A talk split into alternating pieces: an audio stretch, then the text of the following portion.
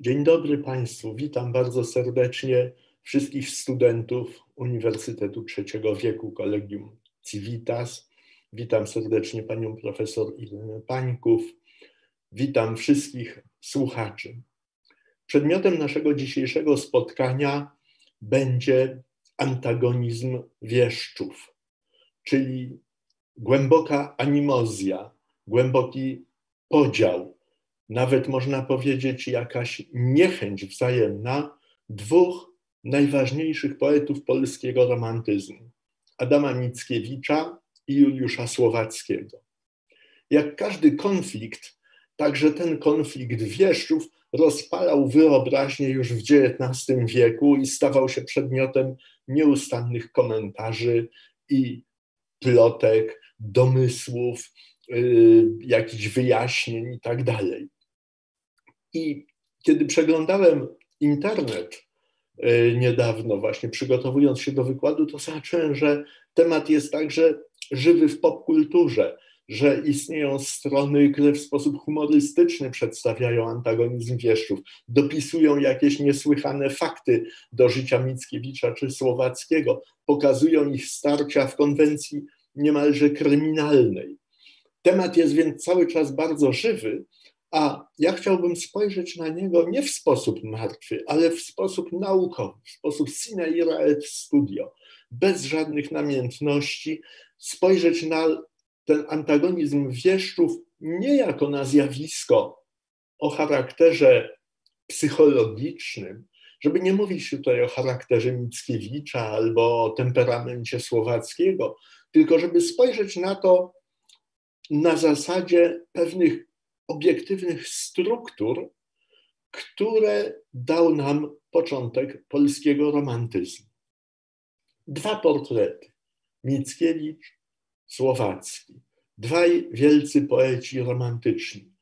Napisałem tutaj daty ich życia, po to przede wszystkim, żeby zwrócić uwagę na daty urodzin. Mickiewicz urodził się w roku 1798, w Wigilię 24 grudnia, a Słowacki w 1809 roku, 4 września. Dzieliło ich więc 11 lat różnicy wieku. W niektórych sytuacjach to jest dużo, w niektórych to jest nieznaczna, nieistotna jakaś różnica wieku. W tym wypadku była ona jednak fundamentalna. Proszę zacząć. W momencie, kiedy Mickiewicz debiutował na łamach tygodnika wileńskiego wierszem klasycystycznym, wierszem Zima Miejska w roku 1818, Słowacki miał 9 lat i mógł najwyżej sobie pomyśleć, że może kiedyś będzie poetą. Kiedy Mickiewicz wydał Ballady i romanse, swój pierwszy tom poetycki w roku 1822, Słowacki miał lat 13. Wciąż to było za wcześnie dla niego, żeby debiutować, żeby podjąć jakby y, równoległy start do tego starszego, wielkiego, wileńskiego kolei. Pamiętajmy, że Mickiewicz na swoich barkach dźwigał cały ciężar walki z klasykami, dźwigał cały ciężar y, boju o nową romantyczną estetykę, o wolność twórczą, o wyzwolenie się z takiego zimnego kanonu klasycystycznych prawideł. Ale wojując z tą estetyką klasycystyczną, budował jednocześnie pewien model romantyzmu. I zauważmy, Ballady i romanse 1822, druga i czwarta część Dziadów 1823, sonety krymskie i odeskie 1826, Konrad Wallenrod 1828. To tak bardzo ważne książki, że tak powiem przełomowe, każda z nich na swój sposób przełomowa, tworzyły pewien romantyczny kanon. I teraz Juliusz Słowacki, który zadebiutował w roku 1830, jako 21-latek, o tym jeszcze za chwilę powiem, Juliusz Słowacki musiał się wobec tego modelu ukształtowanego przez Mickiewicza odnieść.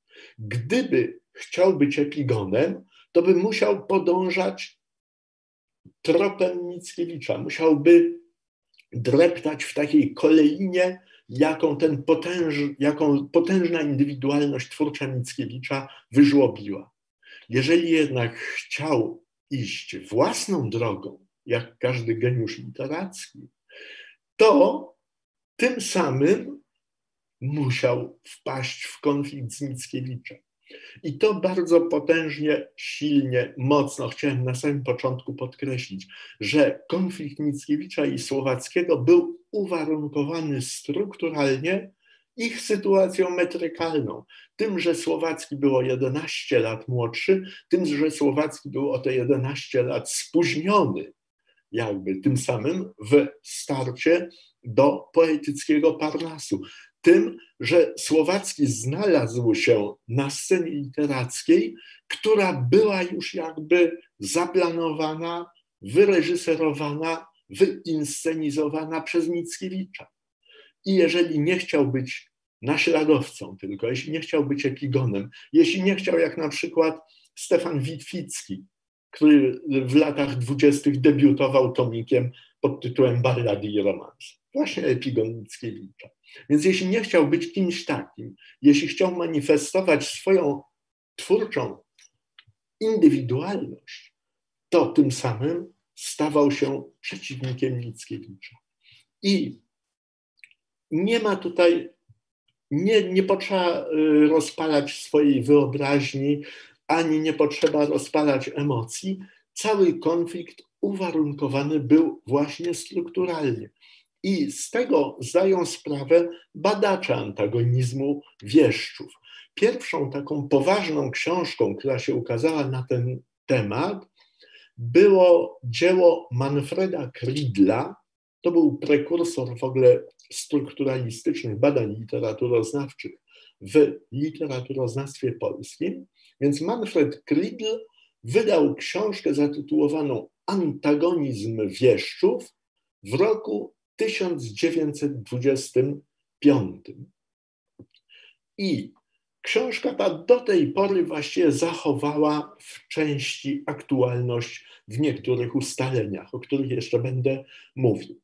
Natomiast niemal 100 lat później, na początku XXI wieku, a dokładnie w roku 2013, w Katowicach ukazała się książka profesorki Uniwersytetu Śląskiego Magdaleny Bąk pod tytułem Twórczy lęk Słowackiego i podtytuł Antagonizm wieszczów po latach. Autorka nawiązała tutaj więc do swojego wielkiego poprzednika, ale opisała antagonizm wieszczów, opisała ten konflikt Słowackiego z Mickiewiczem w nowoczesnych kategoriach E, literaturoznawczych, przede wszystkim w takiej amerykańskiej, wziętej z amerykańskiego literaturoznawstwa kategorii lęku przed wpływem e, stworzonej przez profesora Harolda Bluma.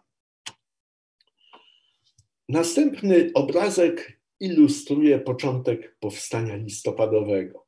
Wzięcie arsenału. Skąd tutaj taka wizja nagle się znajduje? Dlatego, że 29 listopada 1830 roku, data wybuchu powstania listopadowego, to jest tak naprawdę moment, w którym ten antagonizm wieszczów się ujawnia. Otóż, zacznijmy od Mickiewicza. Co się z nim działo 29 listopada 1830 roku? Był już po uwięzieniu w Wilnie, to były lata 1823-24, był już po okresie zesłania do Rosji, w 1824 roku wyjechał do Petersburga, później mieszkał w Odeście, odbył wycieczkę krymską, potem jakiś czas zatrzymał się w Moskwie, mieszkał w Petersburgu i w 1829 roku legalnie z paszportem w kieszeni Rosję opuścił drogą morską, udając się do Niemiec, Zwiedził Niemcy, odwiedził Goethego w Weimarze, był w Czechach, odwiedził Pragę, później odwiedzał Bawarię, wędrował po Alpach w Szwajcarii i wreszcie osiedlił się w Rzymie. Na stałe zamieszkał w Rzymie, który, pamiętajmy, nie był wtedy stolicą Włoch, tylko był stolicą państwa kościelnego. I Mickiewicza, wi wiadomość o wybuchu powstania listopadowego zastała właśnie Mickiewicza w Rzymie. Natomiast jakie były losy Juliusza Słowackiego? Otóż Słowacki urodził się na dzisiejszej Ukrainie w Krzemieńcu e, w 1809 roku, ale dzieciństwo i młodość spędził w Wilnie, ponieważ jego ojciec był, został niedługo po urodzinach syna profesorem Uniwersytetu Wileńskiego. Po śmierci ojca na jakiś czas jego matka powróciła do swoich rodziców do Krzemieńca, ale od 1816 roku wyszła ponownie za mąż za innego profesora Uniwersytetu Wileńskiego i znowu zamieszkała wraz ze swoim synem w Wilnie. I w Wilnie Słowacki kończył szkoły i w Wilnie też studiował na uniwersytecie, ukończył prawo w roku 1829. Pamiętajmy, że wtedy w innym wieku trochę jako nastolatkowie kończyli już studia, więc on jako dwudziestolatek był już magistrem prawa i w 1829 roku przejechał do Warszawy, gdzie rozpoczął karierę urzędniczą, pracując w Komisji Rządowej Przychodów i Skarbu jako kopista. Moim zdaniem jego kompetencje zupełnie niewłaściwie były wykorzystywane, ale to jest, nie jest już przedmiotem y, dzisiejszego naszego namysłu. I wiecie Państwo wszyscy, że pomnik Słowackiego stoi na placu bankowym. To nie jest przypadkowe miejsce. Usytuowany został tam między innymi dlatego, że za plecami Słowacki ma budynek obecnego ratusza warszawskiego, który wtedy, na początku XIX wieku, był siedzibą rządu Królestwa Polskiego, tego zwanego Królestwem Kongresowym. Słowacki tam właśnie pracował w owej Komisji Rządowej Przychodów i Skarbu, a mieszkał w wynajętym pokoiku nieopodal przy ulicy Elektoralnej. Ten budynek, w którym Słowacki mieszkał, już nie istnieje. Dzisiaj na miejscu, gdzie on stał, jest usytuowany taki głaz narzutowy z odpowiednią e, informacją. I teraz 29 listopada, po tym ataku na Belweder, po tym przemarszu traktem królewskim, alejami ujazdowskimi, Nowym Światem, krakowskim przedmieściem, podchorążowie i cywilni spiskowcy dotarli ulicą Długą do Arsenału, ten budynek, który tutaj widzimy na obrazie Marcina Zaleskiego, przecież istnieje do dzisiaj, jest e, siedzibą e, Muzeum Archeologii i zdobyto budynek Arsenału, uzbrojono lud Warszawy. Była noc z 29 na 30 listopada 1830 roku. Słowacki mieszkał kilkaset metrów dalej przy ulicy Elektoralnej. Czy nie słyszał wystrzałów? czy nie słyszał krzyków, czy nie słyszał jakichś śpiewów, czy nie słyszał tej całej wrzawy wojennej, która ogarnęła wówczas Warszawę? Myślę, że tak. I że w jakimś sensie, jeśli nie osobiście nawet, bo nie mamy na to żadnych dowodów, to mentalnie na pewno uczestniczył w tych pierwszych dniach powstania listopadowego. I mamy na to dowody, w postaci jego aktywności poetyckiej. Wiersze pisał już oczywiście od paru lat, ale wszystkie spoczywały w rękopisie w szufladzie, a w 1830 roku nagle zadebiutował. W pierwszych dniach grudnia 1830 roku, kilka dni zaledwie po nocy listopadowej, ukazał się wiersz słowackiego pod tytułem Hymn zaczynający się od takich patetycznych słów nawiązujących do średniowiecznej pieśni rycerskiej Bogu Rodzicy, tego Carmen Patrium. Boga Rodzico, Dziewico, słuchaj nas, Matko Boża, to ojców naszych śpiew. Wolności błyszczy zorza, wolności bije dzwon, wolności rośnie krzew, Boga Rodzico, wolnego ludu śpiew, zanieś przed Boga tron. Proszę zwrócić uwagę, jak potężna to jest poezja, jak tutaj te rymy są odlane, y, takie męskie, silne, śpiew, krzew, dzwon, tron. Jak patetyczne jest to nawiązanie właśnie do średniowiecznej, pięknej pieśni polskiej. Wiersz jest dłuższy, ja, ja tutaj poddałem tylko jego początek, ale stał się ten wiersz jakby wyrazem nastrojów, wyrazem patriotycznego entuzjazmu, wyrazem ogromnych nadziei, jakie towarzyszyły pierwszym dniom powstania listopadowego. Słowacki tym jednym wierszem stał się nagle z jakiegoś anonimowego urzędnika Komisji Rządowej Przychodów i Skarbu bardem rewolucyjnej Warszawy. Wiersz przedrukowały wszystkie gazety warszawskie. Powielano go w tysiącach egzemplarzy na jakichś ulotkach. Dopisano szybko muzykę. Zaczęto go śpiewać. I Słowacki stał się, jakbyśmy dzisiaj powiedzieli, celebrytą. W jednym z listów do matki wspomina, że gdzieś się znalazł w kawiarni i nagle na jego widok ludzie wstają i mówią: To jest autor hymnu. Na fali tej popularności Słowacki pisze następne wiersze związane z powstaniem listopadowym, wiersze zaangażowane politycznie, wiersze takie bojowo, bezkompromisowe, zagrzewające do walki, trotejskie, dążące do tego, żeby działania powstańcze rozszerzyć na inne ziemie dawnej Rzeczpospolitej. Co się działo tymczasem z Mickiewiczem? Wspomniałem już, że był w Rzymie. Wiadomość o wybuchu powstania listopadowego zastała go na takim przyjęciu, notabene u Rosjan, zaprzyjaźnionych Rosjan. Tam była w Rzymie taka rosyjska kolonia arystokratów, którzy przeszli na katolicyzm z prawosławia i zamieszkali właśnie w Rzymie. Więc to był 7 czy 8 grudnia 1830 roku, kiedy właśnie na to przyjęcie nagle ktoś przyniósł wiadomość o warszawskich wypadkach, o tym, że nad Wisłą wybuchło powstanie. Mickiewicz nie był tam sam, towarzyszył mu inny poeta, bardzo ciekawy, bardzo dobrze zapowiadający się i przedwcześnie zmarł na gruźlicę, Stefan Garczyński.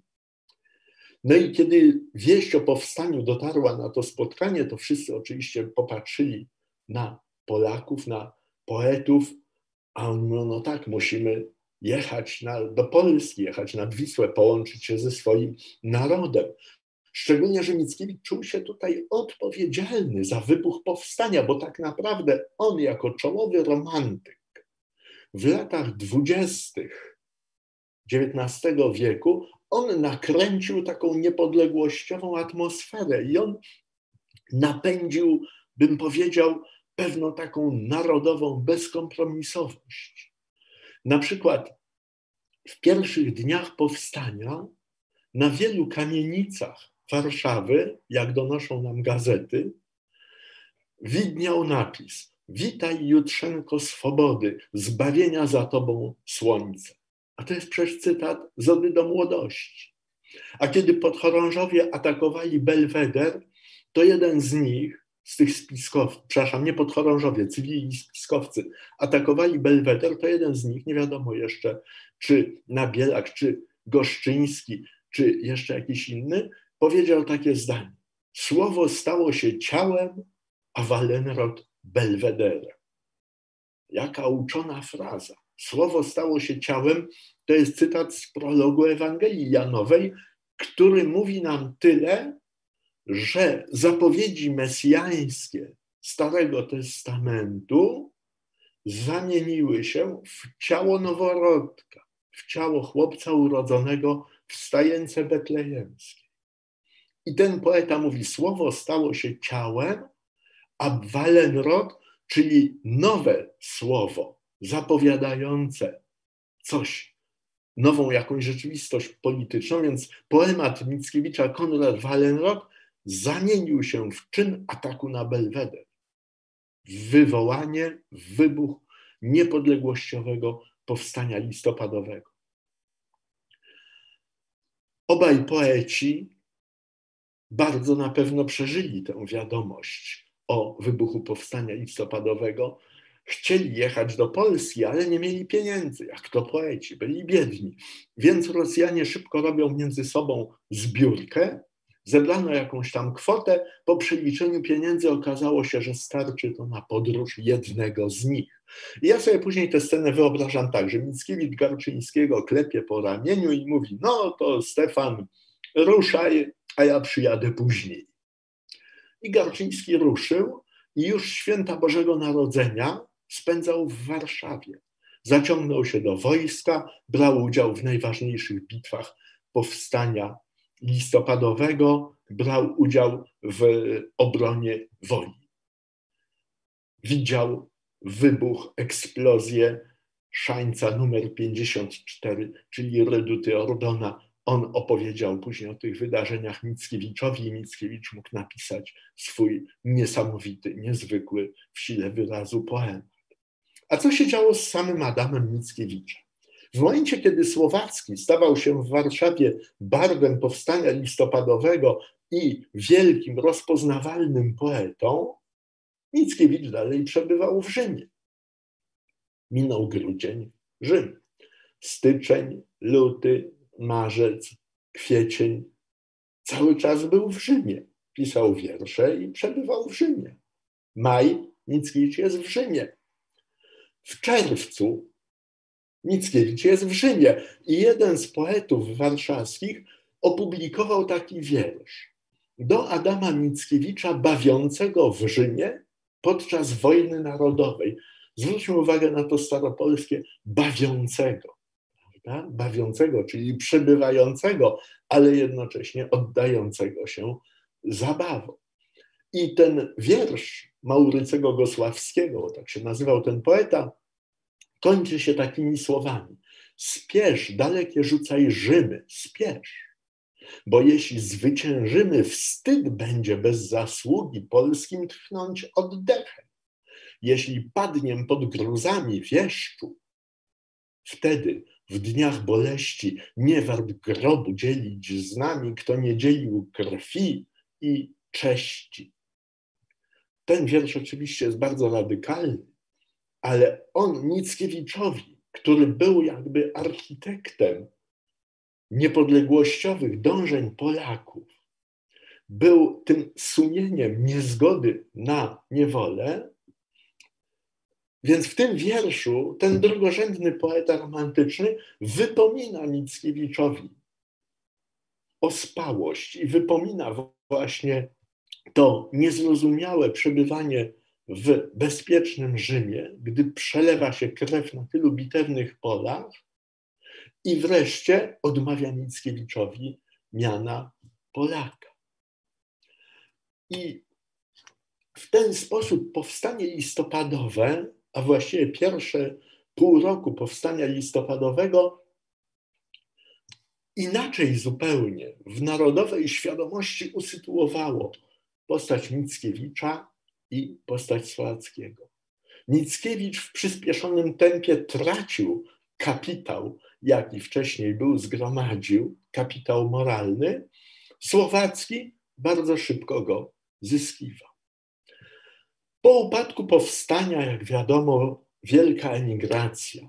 Najwięcej ludzi nie pamięta się o tym, że 30 tysięcy trafiło na Sybir, a niecałe 10 tysięcy udało się na zachód Europy, głównie do Francji, gdzie żołnierze i podoficerowie powstańczy umieszczeni zostali na prowincji francuskiej w takich specjalnie utworzonych dla nich obozach, tak zwanych depo.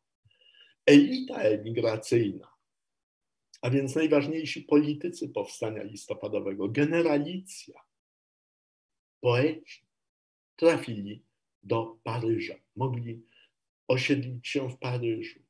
I Paryż po roku 1831 stał się duchową stolicą Polski. W Paryżu właściwie wykuwały się najważniejsze idee ważne dla Polaków XIX wieku.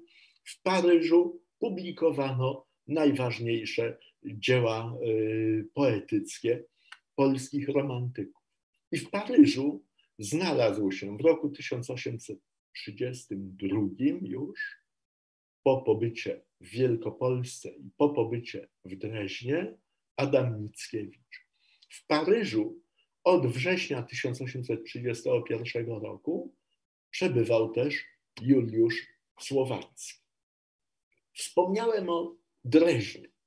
Otóż do Mickiewicza na pewno dochodziły te odgłosy dezaprobaty, te odgłosy jakby yy, narastającej niechęci wobec niego w Polsce, wobec tej niezrozumiałej dla powstańców absencji poety w powstaniu listopadowym. I Mickiewicz wreszcie w lipcu 1831 roku postanowił wyruszyć do powstania, ale tak dziwnie wyruszył.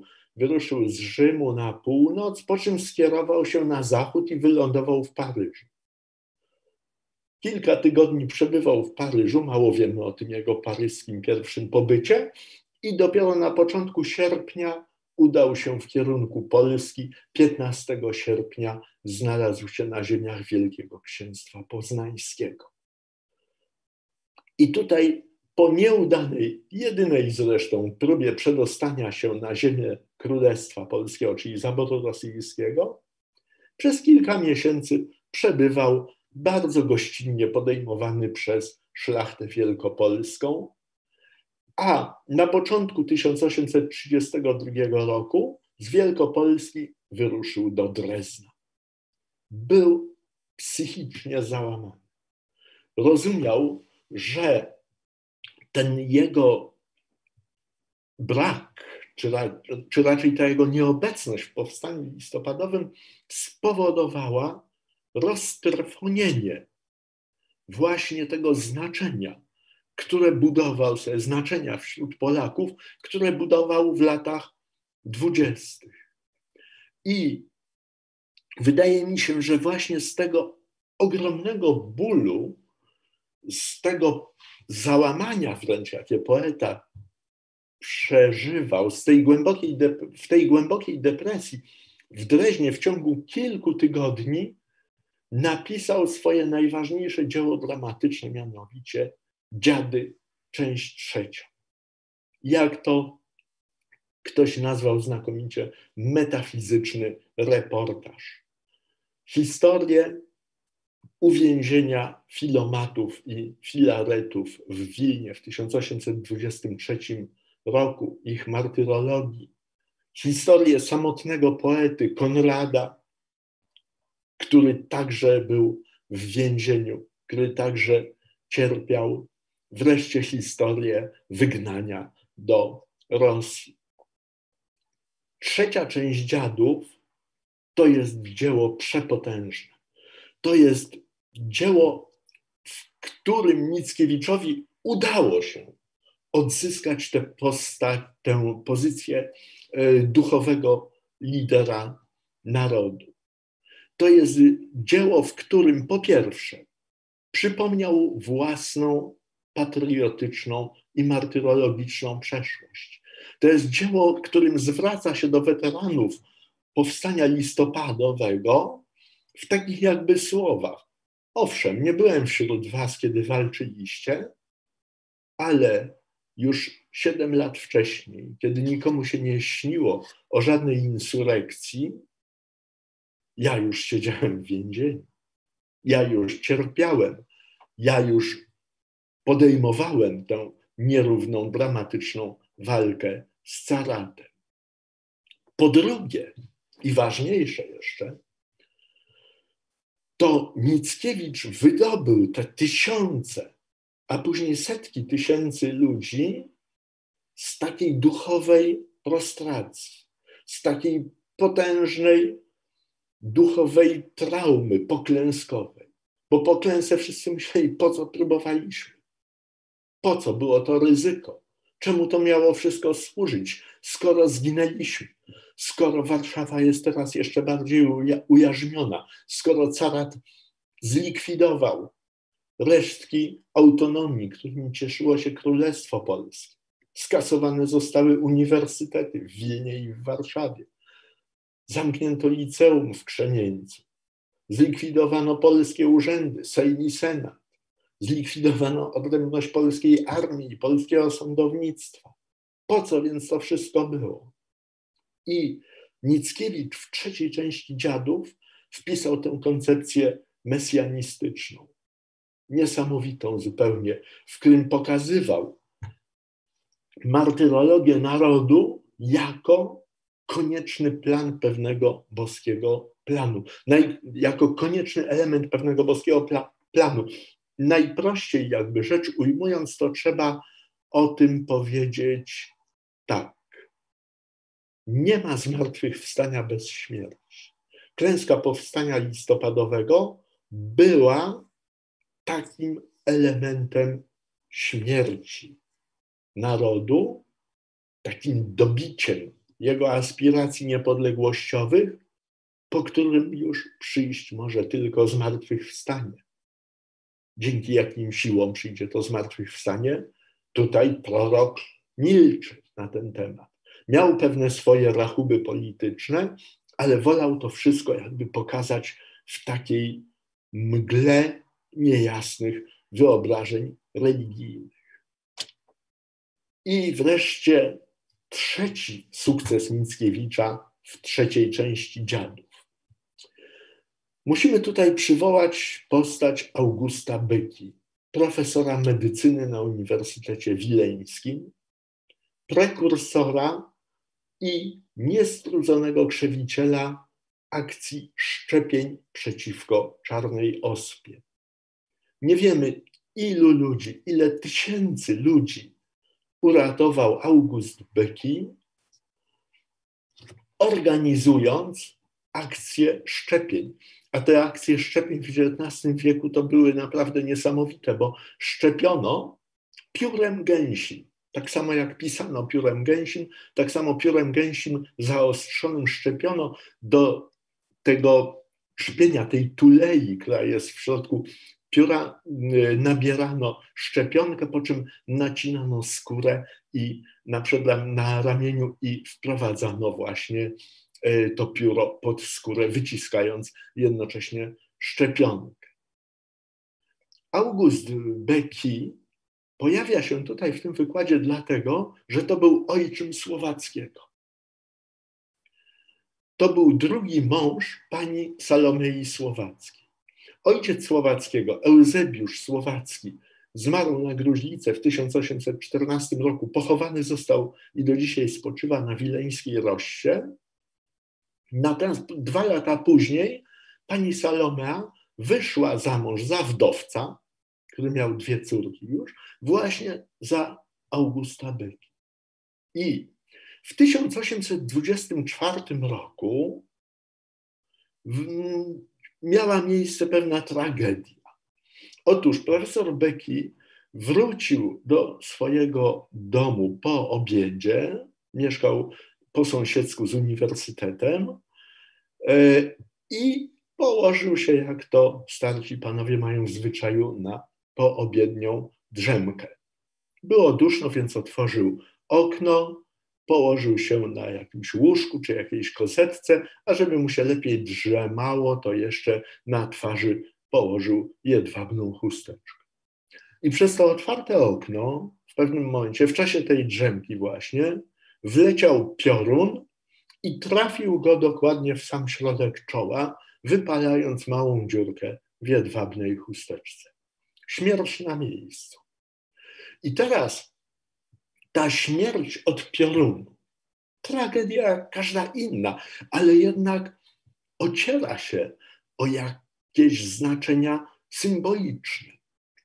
I Mickiewicz wprowadził Augusta Beki do trzeciej części dziadów pod postacią doktora, wykreował jego postać jako podłego donosiciela, jako wstrętnego jakiegoś sprzedawczyka, jako ohydnego jakiegoś wazeliniarza, nadskakującego rosyjskim oprawcom, a przede wszystkim Nowosilcowowi, jako Judasza, który temu potworowi rosyjskiemu wydaje wciąż nowych, niewinnych studentów, wciąż nową młodzież. Jaka była prawda historyczna? Nie ma żadnych źródeł, które by potwierdzały, że taką haniebną rolę w śledztwie filomatów odgrywał August Beki. Wiadomo natomiast, że był to człowiek totalnie apolityczny. Nie interesował się aspiracjami niepodległościowymi Polaków, nie interesował się też tym, czy lepiej by mu było w Rosji czy w Rzeczpospolitej. On się interesował szczepieniami przeciwko ospie i interesował się jeszcze chórem, który prowadził, ponieważ był melomanem. Ale fakt historyczny tej śmierci od piorunu bardzo jakby dobrze rymował się z koncepcją kary Bożej, która spada na sprzedawczyka. W trzeciej części dziadów jeden z bohaterów, który sprawdza, co się stało w domu doktora, mówi, że piorun go w ostatnim pokoju wytropił. Nic nie zepsuł, tylko ruble srebrne stopił. Ruble leżały tuż u głów doktora i pewnie posłużyły dziś za konduktora. Konduktora, czyli za piorunochron. Proszę zobaczyć, jaka tutaj jest w tym wszystkim perfidia ukazana. Doktor otrzymuje wynagrodzenie za swoje podłe działania w srebrnych rublach. Nie w papierowych asygnatach, tylko w srebrnych rublach. On jest tym sprzedawczykiem, on jest tym Judaszem, on jest tym wreszcie podłotą, który niewinną polską młodzież wydaje w łapska rosyjskich oprawców. I teraz Mickiewicz, kreując w ten sposób postać doktora, oczywiście zyskiwał dodatkową siłę dramatu, pokazywał, że prędzej czy później boska kara dopadnie tych, którzy walczą z niepodległościowymi aspiracjami, ale piekł przy tym ogniu jeszcze jedną pieczeń. Mianowicie, na pewno wiedział przecież o sukcesach Słowackiego w tych pierwszych tygodniach powstania listopadowego, o jego niezwykłej karierze poetyckiej. I Mickiewicz tak jakby mówił, zachwycacie się tym młodym Słowackim? No tak, tak, proszę bardzo, oczywiście. Ale tak zobaczcie na przykład, kim był jego ojczym. Ja tak pokażę właśnie, kim był jego ojczym. A jak wiadomo, błotem można rzucać, bo zawsze się coś tam przylepi, prawda? I szkalując Augusta Beki, Mickiewicz jednocześnie rzucał głęboki cień na Słowackiego. Chociaż w kontaktach bezpośrednich nie dawał tego poznać. I na przykład, kiedy y, poeci po raz y, pierwszy w Paryżu w 1832 roku, latem, na jakimś takim garden party się spotkali, znamy tę rzecz z relacji słowackiego w liście do matki, to Słowacki opisuje spotkanie tak, że podszedłem do Mickiewicza, mówiąc: Witam w tobie największego poetę polskiego. A jakiś rodak, cytuję słowackiego dosłownie, a jakiś rodak, zapewne podchmielony, mruknął za moimi plecami. Nadto jesteś skromny. Proszę zacząć. Witam w tobie największego poetę polskiego, a jakiś rodak mówi, nadto jesteś skromny. Wprawdzie podchmielony ten rodak, ale w końcu in vino veritas, prawda? Słowacki tutaj pokazuje, że może nawiązać dialog z Mickiewiczem. I jesienią 1832 roku ukazuje się drukiem trzecia część Dziadów. Zanim jeszcze trafiła do sprzedaży, to już ktoś miły, ktoś dobry wziął jeden egzemplarz z magazynu i przesłał anonimowo Juliuszowi Słowackiemu.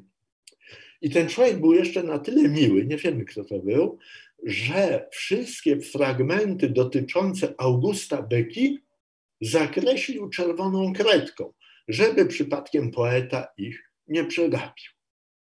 Kiedy Słowacki to przeczytał, to się szybko spakował i nie tylko wyjechał z Paryża. Wyjechał nawet z Francji, bo uznał, że za ciasno będzie mu w tym samym kraju razem z Mickiewiczem. Wyjechał do Szwajcarii i chyba też wtedy dotarła do niego jadowita treść tej recenzji, którą jakoby Mickiewicz miał powiedzieć na jakimś zebraniu emigracyjnym, zapytany o jakość poezji słowackiego, Mickiewicz miał się wyrazić tak, że jest to kościół piękną architekturą stawiony, ale w kościele tym Boga nie masz.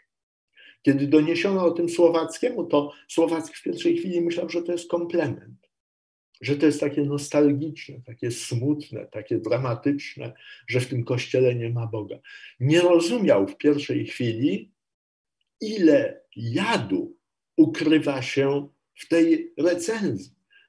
Że tutaj Mickiewicz pokazuje, że słowackiego poezja jego zdaniem jest bez sensu, bo jeśli budujemy dom, to po to, żeby w nim zamieszkać. Jeżeli budujemy kościół, świątynię, to po to, żeby była ona domem Boga. Jeśli poezja jest jak kościół bez Boga, to znaczy, że jest czymś bezsensownym. Słowacki na kilka lat osiedlił się w Szwajcarii. Najpierw zamieszkał w Genewie, później nieopodal Genewy w takim pensjonacie w Wejtu, w takiej wiosce o nazwie Wejtu i tam napisał swoją odpowiedź na trzecią część dziadów, czyli Kordiana.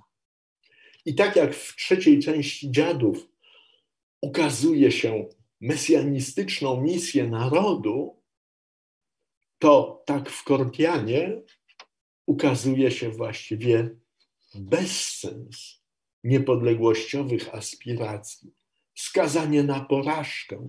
Ukazuje się pokolenie tych powstańców, które jest też pokoleniem Kordiana, jako takie pokolenie hamletyzujące, niepewne swoich celów, nie potrafiące się poruszać bez przywództwa odpowiedniego, jako takie pokolenie naznaczone smutkiem, melancholią, niemocą działania, poczuciem klęski, skazanym na zagładę. Mickiewicz pisze po trzeciej części dziadów poemat prozą biblijną, księgi narodu polskiego i pielgrzymstwa polskiego.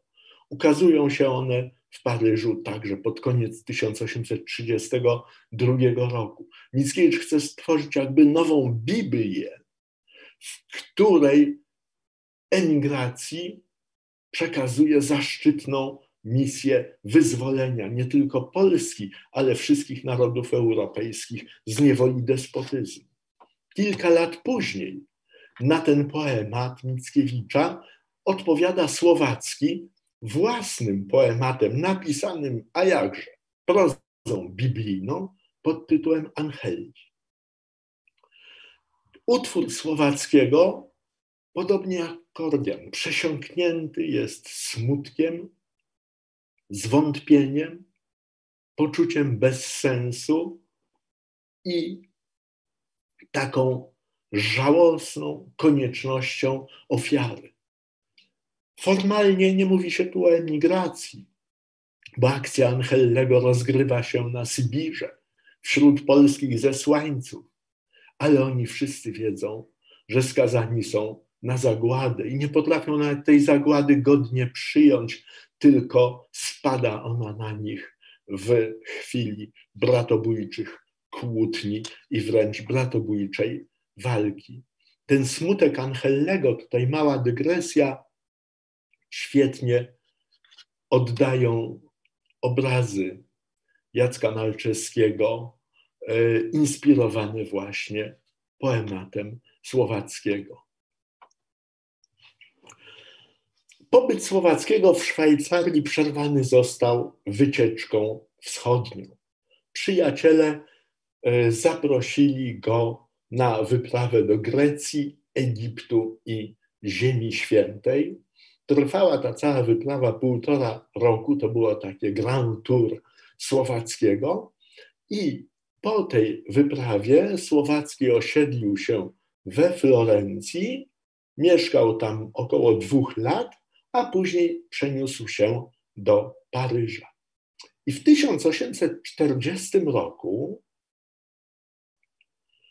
już w Paryżu na Wigilię, która jednocześnie była dniem urodzin Mickiewicza i jednocześnie dniem imienin Mickiewicza, został zaproszony przez swojego wydawcę Eustachyego Januszkiewicza na przyjęcie.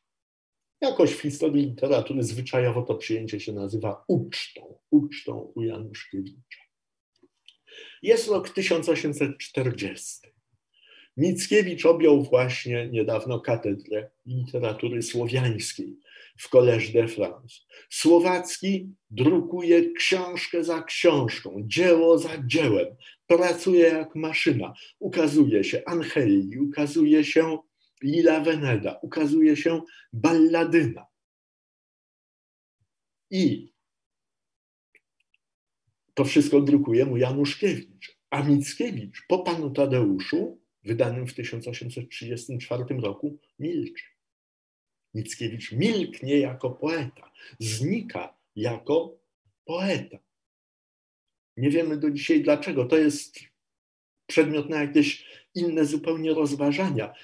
Powiem tylko najkrócej, że wydaje się, że tak jak genialny talent Mickiewicza z Nacka się pojawił, tak nagle zniknął, bo jakieś próby literackie podejmowane przez niego po panu Tadeuszu, no z wyjątkiem takiego cyklu liryków rozańskich, nie pokazują wielkiego poety.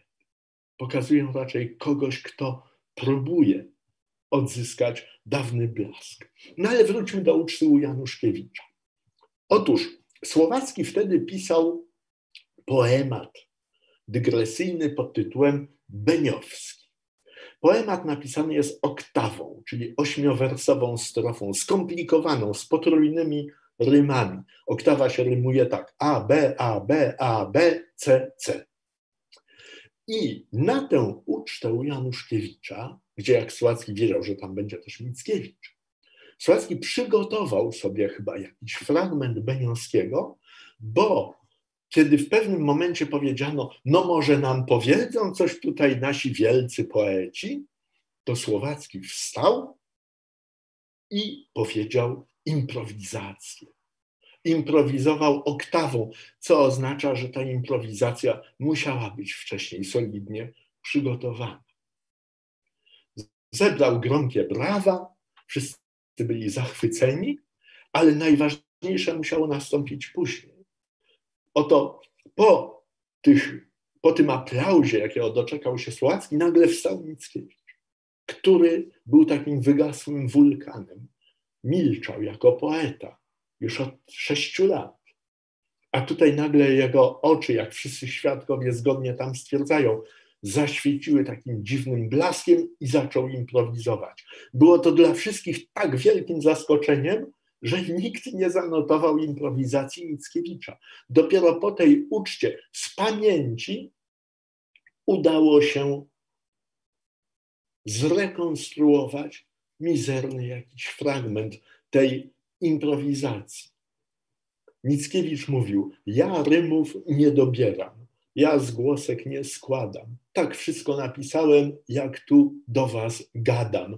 W piersi tylko uderzę, wnet zdrój słów wytryśnie, a jeśli na tym prądzie iskra Boża błyśnie, nie wynik to rozumu ani płód marzenia. Od Boga ją przyjąłem na skrzydłach natchnienia. I zakończenie. Wiedzcie, że dla poety jedna tylko droga w sercu szukać natchnienia i dążyć do Boga.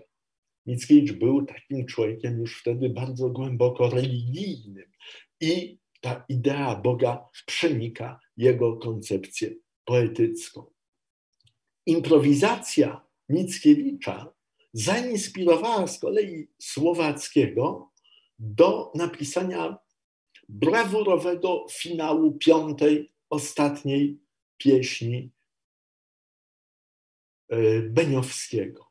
W 1841 roku ta książka poetycka się ukazała, a w tej finałowej właśnie pieśni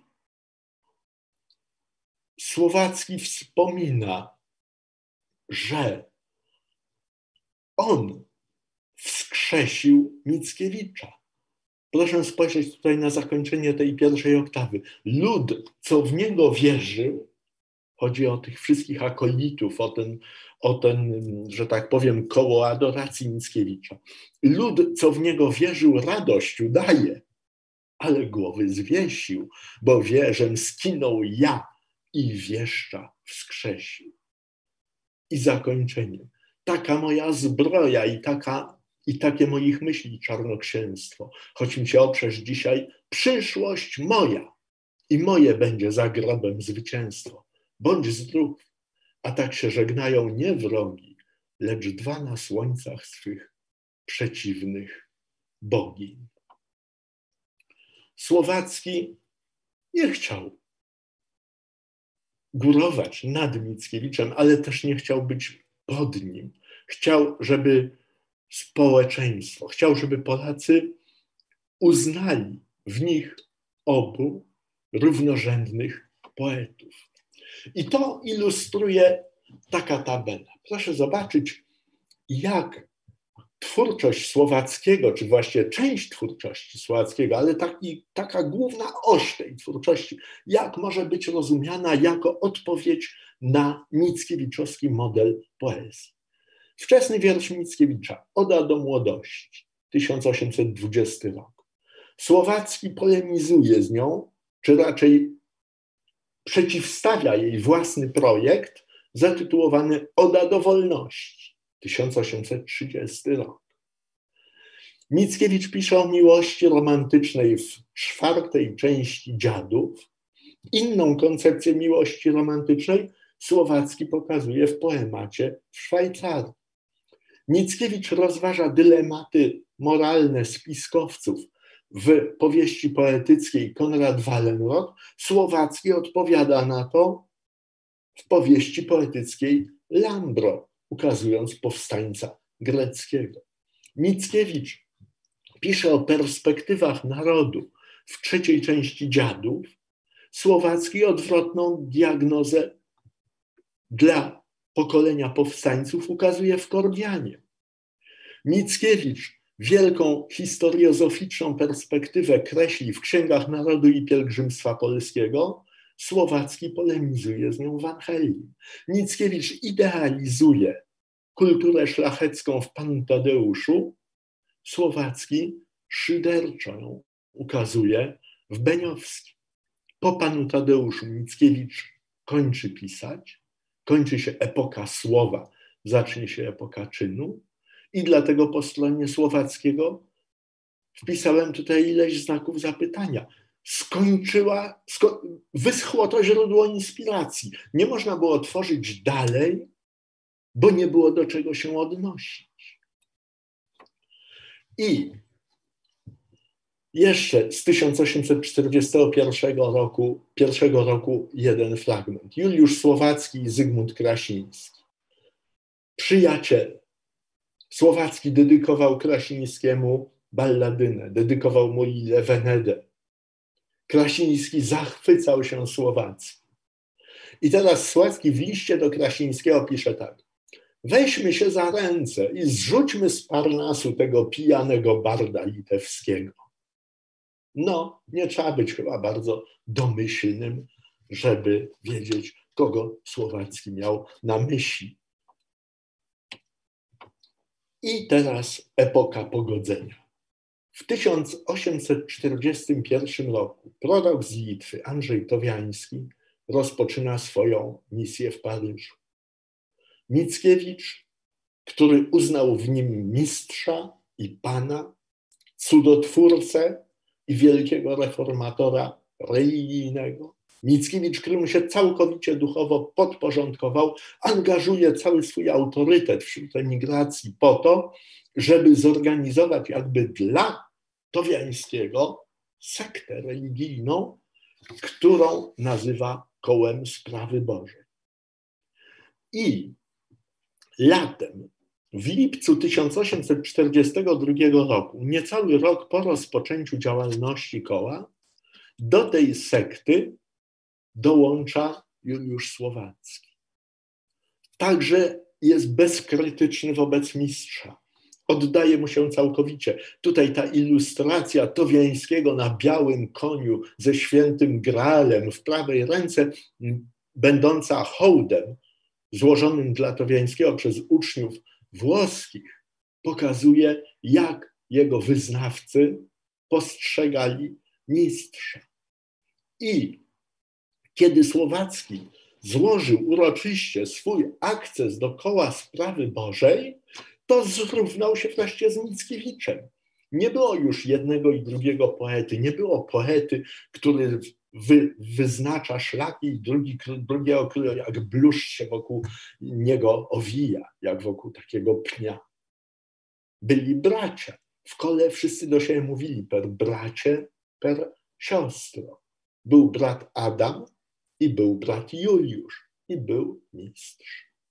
Tylko, że miesiąc później, czyli w sierpniu 1842 roku, Towiański dostał nakaz wyjazdu z Francji. Okazał się tutaj być przez władze francuskie zakwalifikowany, został jako persona non grata i musiał wyjechać do Belgii. Wyjeżdżając, wyznaczył swojego namiestnika w kole i tym namiestnikiem został Mickiewicz. I skończyło się, skończył się egalitarystyczny, kilkutygodniowy okres sielanki, że był brat Adam i brat Juliusz. Teraz był namiestnik Adam, namiestnik mistrza i brat Juliusz. I animozje zaczęły narastać. Szczególnie, że uczestnicy koła sprawy Bożej podlegali coraz większym atakom ze strony zakonu księży zmartwychwstańców. Zakonu, który został utworzony z inspiracji Mickiewicza. Kiedy ci księża zmartwychwstańcy, którzy pod koniec lat 30. zaczęli studia seminaryjne w Rzymie, kiedy otrzymali święcenia i papież zatwierdził regułę zakonu zmartwychwstania pańskiego, kiedy przyjechali do Paryża, żeby dbać o czystość religijną emigracji, to musieli skierować się przeciwko Mickiewiczowi i przeciwko wyznawcom towianizmu. Mickiewicz podjął tę walkę z nimi, ponieważ uważał, że towianizm musi zyskać jakąś moralną siłę. I jest taki wiersz z 1843 roku Słowackiego, w którym Słowacki zwraca się jakby do Mickiewicza z pewnym pocieszeniem. Mój Adamito, widzisz, jak to trudno uprawiać cnoty pustynię odludno, jaki pod wielki z człowieka się leje, gdy o ideał stoi lub ideę. Pokazuje, że dotychczasowe życie Mickiewicza to było życie jakby komety, która leci bez żadnego wysiłku poprzez przestworza, prawda? A Słowacki przeciwnie. Wciąż walczył z losem. Mickiewicz był uznany, był pieszczochem losu, był pieszczochem opinii publicznej. Tutaj nawet Słowacki na pewien wulgaryzm pozwala. Proszę zobaczyć, medale rosły w olbrzymie posągi kurwy odeskie zmieniały w grafinie, czyli jakieś panie lekkich obyczajów przedstawiał w swoich sonetach jako hrabin. Nie tak to widzisz, Adamitku, nynie, nie tak to nynie, jak to było ongi, nynie, to znaczy teraz. Słowacki występuje tutaj jako mentor, jako taki starszy brat. jako ktoś, kto wie, jak należy walczyć, jak należy cierpieć, ile to człowieka kosztuje, gdy Mickiewicz w tym wszystkim się gubi. W kole sprawy Bożej bardzo ważne były sny. Któregoś razu na zebraniu Towiańczyków w 1843 roku Mickiewicz powiedział, że śnił mu się car Aleksander I i błagał, żeby Towiańczycy złożyli się i dali nam mszę świętą za jego duszę, bo tylko tej jednej ofiary brakuje, żeby mógł z czyśćca awansować do nieba. Proszę zobaczyć, to idea dziadów, oczywiście to jest Mickiewicz, prawda? Tylko, że w tym momencie skierowana do władcy Rosji. Na takie diktum wstał brat Juliusz i powiedział, że jemu śnił się król Stefan Batory. I powiedział, że żaden Polak za ruskiego cara modlić się nie może. I nastąpił pad, bo sny były dla Trojańczyków niesamowicie ważne. I tutaj jest jeden sen, taki procarski, nazwijmy to, ale w opozycji jest drugi sen, taki antycarski. Tu namiestnik mistrza śni, a tutaj śni brat Juliusz. I nastąpiło pewne rozłamanie które opanował Mickiewicz, wyrzucając Słowackiego z tej sali, z tego pomieszczenia, gdzie znajdowali się Towiańczycy. Rzecz była tak niesamowita, że mamy kilka sprzecznych relacji. Mi się wydaje, że najbliższa prawdy jest taka, która mówi, że Mickiewicz podszedł do Słowackiego. Słowacki to był kurczak, metr pięćdziesiąt wzrostu i bardzo drobnej kości człowiek. Mickiewicz metr siedemdziesiąt, zwalistej, takiej niedźwiedziowatej postury. Więc podchodzi Mickiewicz do Słowackiego, łapie go za sławny kołnierz brata Juliusza i wynosi, wyrzuca za drzwi, mówiąc po rosyjsku, paszą wądurak. I w podręcznikach jest napisane, że Jesienią 1843 roku Juliusz Słowacki opuścił struktury koła sprawy Bożej. Opuścił strukturę, ale nie przestał być Dowiańczykiem, nie przestał budować własnego systemu mistycznego. Natomiast Mickiewicz był wykładowcą w Collège de France. I w roku 1843 w trzecim kursie literatury słowiańskiej, kiedy mówił o literaturze XIX wieku, kiedy mówił o polskiej literaturze współczesnej, ile razy wymienił nazwisko Słowackiego? Jeden raz. Czy wymienił tytuł dzieła Słowackiego? Nie. Taki wykład pod tytułem Sybir w literaturze polskiej. Mickiewicz, rozpływając się nad różnymi pamiętnikami rozlicznych Sybiraków, gdzieś mimochodem wtrącił takie zdanie. Nawet Słowacki napisał poemat rozgrywający się na Sybirze. To mowa oczywiście o Angeli. W roku 1849, w roku śmierci Juliusza Słowackiego, Mickiewicz był redaktorem naczelnym francuskojęzycznej rewolucyjnej gazety pod tytułem Trybuna Ludów. Kiedy Słowacki zmarł w kwietniu 1849 roku, czy w Trybunie Ludów ukazało się jakieś wspomnienie o nim? Nie. Tylko jednozdaniowa notka, że zmarł, że był poetą i że pogrzeb odbędzie się wtedy to, a wtedy to, a tu. Notabene w dacie pogrzebu był błąd. Więc każdy, kto z Trybuny Ludów czerpał informacje o pogrzebie Słowackiego, nie mógł na tym pogrzebie się znaleźć. Mickiewicz był naprawdę genialnym poetą i wielkim człowiekiem, ale na jego osobowości jest ta jedna skaza, że nie chciał dopuścić do siebie takiej myśli, nie chciał tego zrozumieć, że chociaż on jest tym wielkim drzewem, chociaż on jest tym wielkim szczytem tego pasma górskiego polskiej literatury, to że obok wyrasta też inne także potężne drzewo, czy wznosi się równie wysoki szczyt. Rozumiał to wspomniany już przeze mnie wcześniej Zygmunt Krasiński. Otóż w 1841 roku Zygmunt Krasiński napisał i opublikował w tygodniku literackim, to było pismo ukazujące się w Poznaniu, opublikował taki artykuł pod skromnym bardzo tytułem Kilka słów o Juliuszu Słowackim. I w tym artykule Krasiński, wykorzystując triadę dialektyczną Hegla, czyli takie przekonanie, że historia rozwija się w takim rytmie. Teza, antyteza wojują ze sobą, powstaje na wyższym poziomie synteza, ukazał dzieło Mickiewicza i Słowackiego jako dzieła koniecznie opozycyjne, jako dzieła dialektycznie sprzeczne, z których w wyniku jakby ich połączenia powstanie jakieś arcydzieło syntetyzujące najważniejsze wartości dzieła Mickiewicza i Słowackiego. Mickiewicz był tą tezą w rozwoju literatury polskiej, Słowacki jego konieczną antytezą, antagonizm obu twórców to była walka tezy i antytezy, tych dwóch, dwóch jakby modeli literackich i intelektualnych.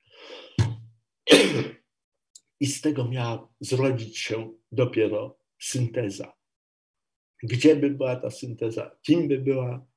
Czy Krasiński myślał tutaj o sobie, jako o poecie, który może złączyć zantagonizowane, te zwaśnione, te opozycyjne strony, czy też jak w liście do swojego przyjaciela, wielkiego filozofa Augusta Cieszkowskiego pisał, synteza nie będzie się rozgrywać w literaturze, tylko dokona się w filozofii i ty będziesz tą syntezą. Nie wiemy. Krasiński tego nie dopowiedział. Natomiast niewątpliwie, bardzo trafnie i bardzo przenikliwie, jak to zresztą zawsze u Krasińskiego jest w jego myśli, pokazał Mickiewicza i Słowackiego jako takie dwa konieczne bieguny polskiej literatury romantycznej i polskiej myśli romantycznej, dwa bieguny, które wyznaczają obszar tej literatury i tej myśli i ukazują całe jej bogactwo. Dziękuję Państwu bardzo za uwagę.